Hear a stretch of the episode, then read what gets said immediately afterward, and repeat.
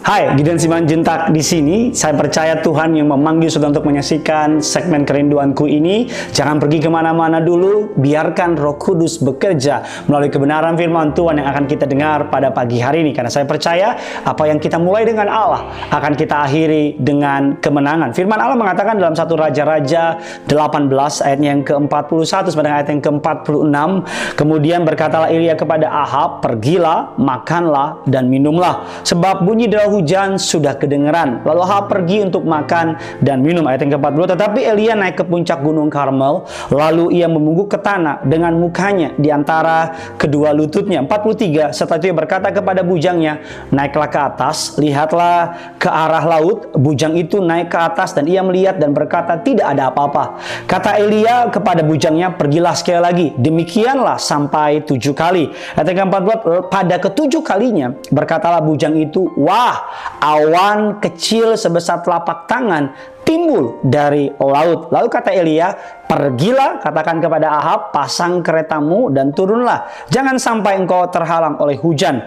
Maka dalam sekejap mata langit menjadi kelam oleh awan badai. Lalu turunlah hujan yang lebat, Ahab naik kereta lalu pergi ke Israel. 46, tetapi kuasa Tuhan berkuasa atas Elia yang mengikat pinggangnya berlari mendahului Ahab sampai ke jalan yang menuju Yisrael. Hari ini kita akan membahas mengenai melihat yang tidak terlihat. Ya, melihat yang tidak terlihat. Dalam perikop ini kita melihat sebuah visi yang indah dari Elia. Elia berkata kepada Ahab, "Pergilah karena akan ada hujan besar, akan derau bunyi hujan sudah aku dengar." Padahal kita semua tahu ceritanya, belum ada hujan, bunyi pun juga belum didengar. Tetapi Elia berkata dengan imannya. Hari ini apa yang saudara imani Alkitab mengatakan berbahagialah orang yang tidak melihat namun percaya karena Allah menghendaki saudara untuk percaya dulu baru dapat melihat. Saya ulang sekali lagi, Allah mau saudara percaya dulu baru saudara akan melihat.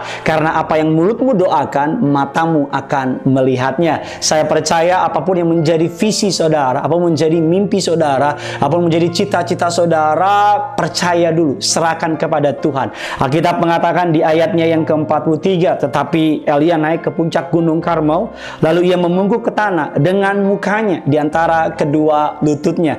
Ayat ini mengajar kita bahwa Elia naik ke puncak gunung, artinya mencari tempat sepi, dan ia membungkuk ke tanah dan berlutut muka, berlutut badannya, artinya ia berdoa. Jadi ketika saudara ingin memiliki visi, saudara memiliki mimpi, memiliki kerinduan, bawa semuanya kepada Tuhan. Hari ini apa targetmu? Hari ini apa rencanamu? Hari ini apa mimpimu? Hari ini apa cita-citamu? Berlutut sama Tuhan, minta penyertaan Tuhan, minta pertolongan Tuhan, visimu, mimpimu akan Tuhan buat menjadi kenyataan. Poin yang kedua, Alkitab mengatakan setelah itu ia berkata ayat yang ke-43 kepada bujang naiklah ke atas, lihatlah ke arah laut. Bujang itu naik ke atas, ia melihat dan berkata tidak ada apa-apa. Kata Elia kepada bujangnya pergilah sekali lagi, demikianlah sampai tujuh kali. Ayat ke-44 dikatakan pada ketujuh kalinya berkatalah bujang itu, wah awan kecil sebesar telapak tangan timbul dari laut داؤد sebesar telapak tangan. Artinya apa? Sebenarnya nggak ada apa-apa, saudara. Tetapi iman Elia membuat sekalipun cuma sebesar telapak tangan, sekalipun nggak ada dasar untuk berharap, Elia beriman. Tuhan sanggup mengadakan segala sesuatu dalam hidupnya. Tuhan sanggup menjawab doa Elia. Hal yang hal yang sama juga dapat saudara dan saya lakukan ketika saudara beriman, menyerahkan mimpimu kepada Tuhan, dan yang kedua saudara punya iman, percaya bahwa apa yang Tuhan taruh dalam hati saudara Tuhan akan menyertai saudara dan akan dia buat menjadi kenyataan. Apa pun kata orang atas bisnis saudara, apa pun kata orang akan masa depan saudara, apa pun kata orang tentang keluarga saudara, berhenti mendengarkan perkataan orang yang menjatuhkan, mulai mendengarkan perkataan firman yang membangkitkan. Berhenti mendengarkan perkataan orang yang meragukan, mulai mendengarkan perkataan Allah yang membuat saudara memiliki kepercayaan diri. Yang ketiga dan yang terakhir, Alkitab mengatakan, lalu kata Elia, pergilah katakan kepada Ahab, pasang keretamu, turunlah, jangan sampai engkau terhalang oleh hujan. Saya suka sekali Ahab adalah raja yang hendak membunuh Elia bersama dengan istrinya Isabel. Ahab mencari-cari Elia, tapi Alkitab mengatakan Elia memiliki belas kasihan. Elia memiliki kasih kepada Ahab dan ia berkata kepada Ahab, "Pergi karena hujan akan datang." Saya percaya ketika saudara memiliki visi, memiliki iman untuk melihat yang tidak terlihat, yang pertama dimulai dengan mengandalkan Tuhan, yang kedua dimulai dengan beriman dan yang ketiga dimulai dengan memiliki kasih. Apa maksudnya? Apa pun cita-cita saudara, jangan sampai tidak ada kasih.